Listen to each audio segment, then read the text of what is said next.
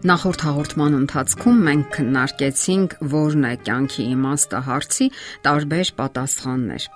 Կյանքի իմաստը մարդկությանը ծառայելու մեջ է, կյանքի իմաստը պարտքը կատարելն է, նայած թե դրա մեջ ով ինչ իմաստ է դնում։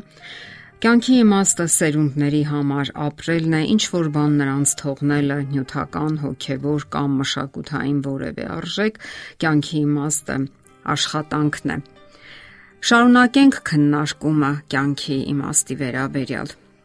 Լավ մասնագետ դառնալու եւ մարդկանց օգտակար լինելու մեջ է կյանքի իմաստը։ Օրինակ, դառնալ բժիշկ եւ փրկել մարդկանց կյանքը։ Միայն մի ռետորական հարց. Ինչու եմ փրկում մարդու կյանքը, եթե նա չգիտի թե ինչի համար է ապրում։ Խնդրում եմ ինձ ճիշտ հասկացեք։ Ես դեմ չեմ բժշկի կամ որևէ այլ մասնագետի գործունեությանը, որն ուղված է մարդու բարօրությանը, Պարզապես վերջնական իմաստով այս պնդումը մեր հարցի պատասխանը չէ։ Կյանքի իմաստը փառք անուն վաստակելու մեջ է։ Հույն Հերոստրատոսը ոչնչով աչքի չընկած մի մարդ երկար խորհեց թե ինչպես անմահացնի իր անունը եւ գտավ ելքը։ Միայն հանուն փառքի, հանուն անմահության նա հրկիզեց Արտեմիսի տաճարը։ Սա պատահեց Քրիստոսի ծննդից առաջ 356 թվականին։ Եվ ահա Հերոստրատոսի հայրենակիցների առաջ մի խնդիր ծառացավ. ինչ ահավոր պատիժ հնարել այդ սրիկայի համար, որ այլևս ոչ մեկի գլխում նման միտք չծագի։ Եթե եփեսացիները հարուստ երևակայություն չունենային, եթե նրանց մեջ չլինեին այնքան փիլիսոփաներ ու բանաստեղծներ, որոնք իրենց պատասխանատու համարելով ապագա սերունդների առաջ չսկսեին գլուխ կոտրել այդ խնդրի վրա, հնարավոր է Հերոստրատոսին պարզապես մահապատժի ենթարկեին եւ գործը դրանով վերջանար։ Ճիշտ է, դեռ մի քանի տարի մարդիկ կասեին. մի խելագար կար, որ մեր մեհյանն այրեց, բայց անունն ինչ էր, միայն Զևսը գիտե։ Եվ մենք Հերոստրատոսին կմոռանայինք, Սակայն եփեսացիք որոշեցին մի հարվածով վերջ տալ Հերոստրատոսի հավակնություններին եւ ճակատագրական սխալ կատարեցին։ Նրանք որոշեցին մոռանալ Հերոստրատոսին։ Նրա անունը չհիշատակել ոչ միտեղ եւ ոչ մի դեպքում։ Մոռացությամբ պատժել այն մարդուն, որը տենչում է հասնել անմահ փառքի։ Սակայն ամենտեղ սկսեցին պատմել։ Իսկ իմացել եք թե Եփեսոսում ինչ զարմանալի դատավճիռ են կայացրել այդ հրձիքի հանդեպ։ Հիմա նրան ընդմիշտ կմոռանան, ոչ ոք նրա անունը չի հիշի։ Բայց իսկապես ինչ էր նրա անունը։ Հերոստրատոս, այո, այո, այդ Հերոստրատոսին մենք անպայման կմոռանանք։ Եվ իհարկե չմոռացան։ Հերոստրատոսը հասավ իր նպատակին։ Այսօր նրա անունը շատերն են հիշում, սակայն մի պահ կանգ առնենք Ինչ է ասում ձեզ այս անունը։ Դուք հիշեցիք այդ անունը կրող մարդուն։ Պատկերացնում եք ինչպիսին էր նա։ Ինչ է նա զգում, երբ դուք տալիս եք նրա անունը։ Իսկ եթե Հերոստրատոս բարի փոխարեն արտաբերենք նույն բառը վերջից դեպի առաջ կարդալով, ինչ կփոխվի։ Երևի ոչ։ Նույն հաջողությամբ կարելի է այլ հնչյուններ արտաբերել, եթե դրանից գոյություն չունեցող Հերոստրատոսին ոչ մի օգուտ կամ վնաս չի լինի։ Կարդանք Հովանես Թումանյանից մի փոքրիկ հատված։ Կգան, կգնան տարիքն անտարբեր,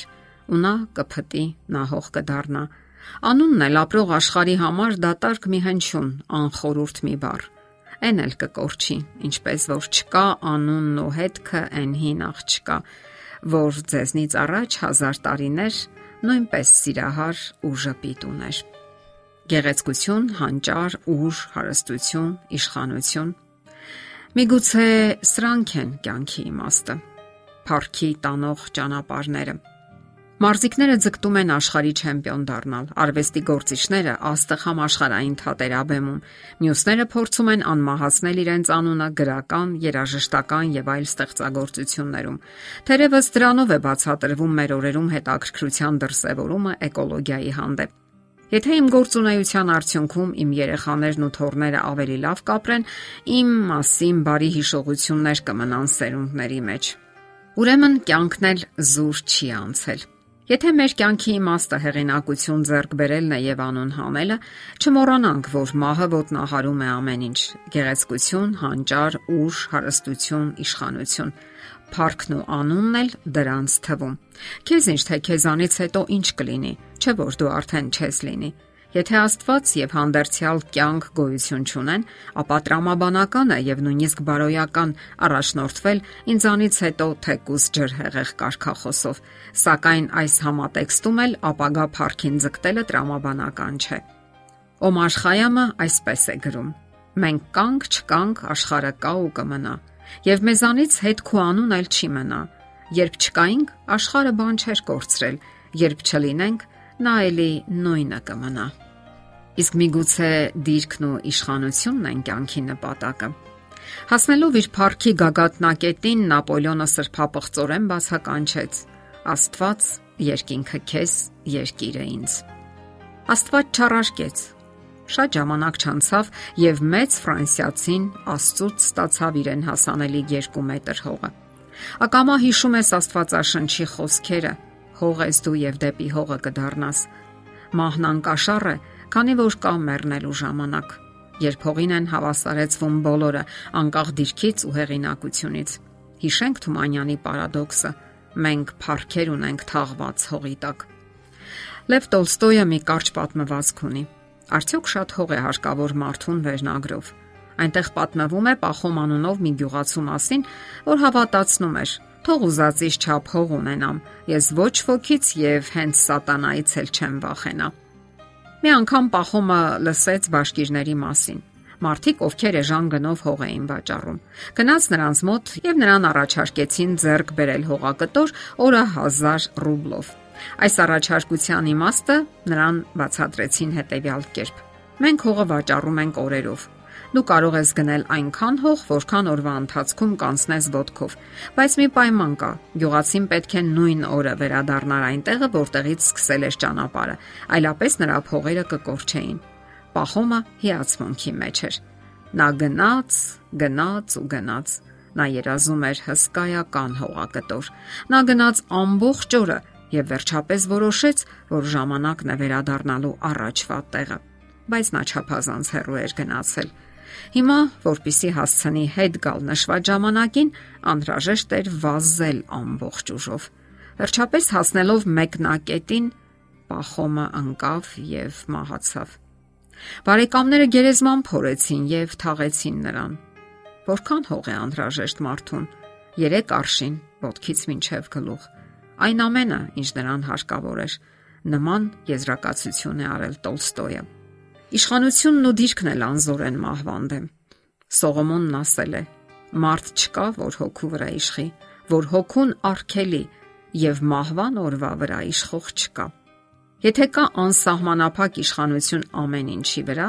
բայց չկա իշխանություն մահվան վրա, ապա ամեն ինչ հավասարվում է հողին։ Հին հույներն ասում էին, որ պատվաբեր է մահանալ երիտասարդ հասակում, բայց որքան հնարավոր է պետք է հետաձգել այն։ Երբ Ալեքսանդր Մակեդոնացուն ասացին, որ այլևս գրավելու տեղ չկա, որովհետև ամբողջ աշխարհը գրավված է, նա բարկությունից լաց եղավ։ Բայց երբ 32 տարեկանում մահանում էր, խնդրեց, որ зерքերը բաց վիճակում դագաղից դուրս թողնեն, որpիսի ապրողները տեսնեն, որ նա այս աշխարից ոչինչ չի տանում, որովհետև ոչինչ չենք բերել այս աշխարհ եւ ոչինչ էլ չենք կարող տանել։ Ինչ օգուտ է մարդուն, եթե այս ամբողջ աշխարհը շահի, բայց իր կյանքը կորցնի, որովհետև մարդն իր կյանքի համար ինչ հատուցում կտա։ Համոսահյանը այսպիսի տողեր ունի եւ արժեր արդյոք որ աշխարհ գա իր մի տուն, մի գլուխ պահելու համար։ Ժամանակավոր մի անմահություն շահելու համար արժեր որ այդքան կորուստներ տայր։ Միգուցե գիտելիքը իմաստությունն է կյանքի իմաստը։ Աշխարհի ամենաիմաստուն մարդկանցից մեկը Սողոմոնը նրանց, ովքեր կյանքի իմաստը տեսնում են գիտելիք եւ իմաստություն ձեռք բերելու մեջ, ասում է. Սա էլ է ունայն, որովհետեւ իմաստունի հիշատակը մշտակա չէ, ոչ էլ անմիտինը։ Գալիք օրերում բոլորն արդեն կմոռացվեն եւ օ, ինչպես է մեռնում իմաստունը անմիտի նման։ Քանի որ գիտելիքն էլ իմաստությունն էլ անցողիկ են, ուստի չեն կարող բացարձակ իմաստ հաղորդել կյանքին։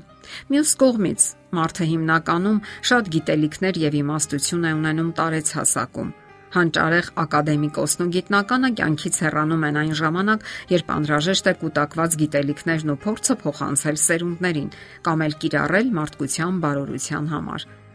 Ցավով ենք հիշում, բայց փաստ է, որ բոլոր քայլող հանրագիտարանները ուշ թե շուտ վերածվում են փոշու։